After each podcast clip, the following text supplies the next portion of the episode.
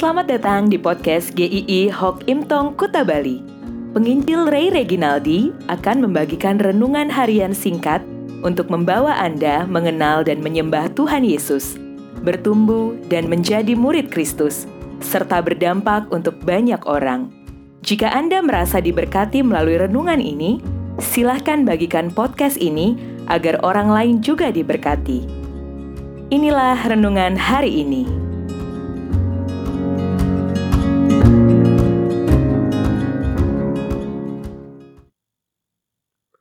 Sukacita Yesaya 9 ayat 2 Engkau telah menimbulkan banyak sorak-sorak dan sukacita yang besar. Mereka telah bersukacita di hadapanmu, seperti sukacita di waktu panen, seperti orang bersorak-sorak di waktu membagi-bagi jarahan. Di tahun 2020 ini, banyak kosakata yang mungkin tadinya jarang kita pakai, tapi sekarang begitu berseliweran. Di antaranya adalah WFH, work from home, swab test, rapid test, hand sanitizer, yang pastinya COVID-19. Ada begitu banyak kata-kata baru yang dipakai di tahun 2020 ini. Sebuah artikel menuliskan bahwa Jepang punya satu kata yang sempurna untuk merangkum tahun 2020, yaitu pien. Pien adalah kata untuk menyebut satu kesedihan atau kekecewaan yang jika di media sosial diikuti dengan emoticon menangis. Jepang merasa kata pien ini adalah kata yang cocok sekali untuk melukiskan tahun 2020 yang kelam, penuh duka dan kesulitan. Intinya, ini adalah tahun yang penuh kesedihan. Apakah kata ini juga tepat untuk setiap kita, orang percaya yang memandang kehidupan ini? Apakah kita tidak bisa lagi untuk melihat dari sisi lain kehidupan di tahun 2020 ini? Ada kata lain yang sebenarnya melekat pada diri orang percaya, yaitu joy, sukacita. Kehadiran Tuhan Yesus ke dalam dunia itu menghadirkan joy, menghadirkan sukacita. Firman Tuhan hari ini berkata, "Engkau telah menimbulkan banyak sorak-sorak dan sukacita yang besar. Mereka telah bersukacita di hadapanmu, seperti sukacita di waktu panen." Seperti orang bersorak-sorak di waktu membagi-bagi jarahan. Perhatikan bagaimana kata sukacita dan sorak-sorak itu diulang-ulang. Kehadiran Tuhan itu membawa sukacita di dalam hidup kita.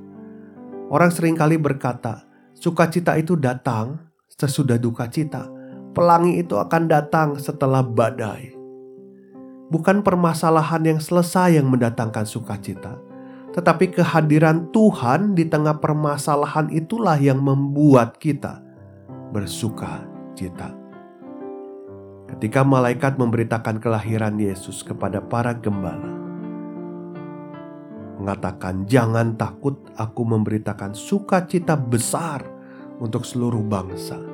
Sukacita itu adalah sukacita yang membuat kita punya hidup. Sukacita yang membuat kita menerima keadaan kita dan percaya akan kehadiran Tuhan dan rencana Tuhan yang indah dalam hidup kita.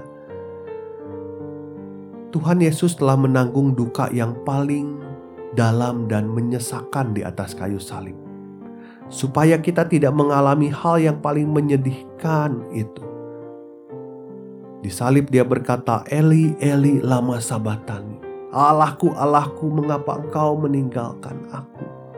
Ada satu teriakan kepiluan ketika menanggung dosa yang begitu menakutkan. Sukacita yang diberikan oleh Tuhan itu bukan euforia semata, tetapi sukacita yang selalu bisa dirasakan bahkan ketika kita ada dalam lembah kekelaman. Sukacita itu bukan karena hanya selesai segala permasalahan kita, tetapi saat berjalan bersama Tuhan di dalam masalah itu. Sukacita kita yang tidak ternilai dan selalu bisa dinikmati adalah saat kita tahu Allah itu mengasihi kita. Tuhan Yesus datang dan menyelamatkan kita. Sukacita ketika kita dijamin tidak akan mengalami penghukuman yang kekal. Sukacita karena kehidupan kekal yang penuh sukacita sudah menanti. Sukacita karena relasi dengan Tuhan itu tidak terhalang apa pun lagi, sudah dipulihkan disambungkan oleh Tuhan Yesus. Mungkin di tahun ini banyak yang memandang sebagai pien kesedihan.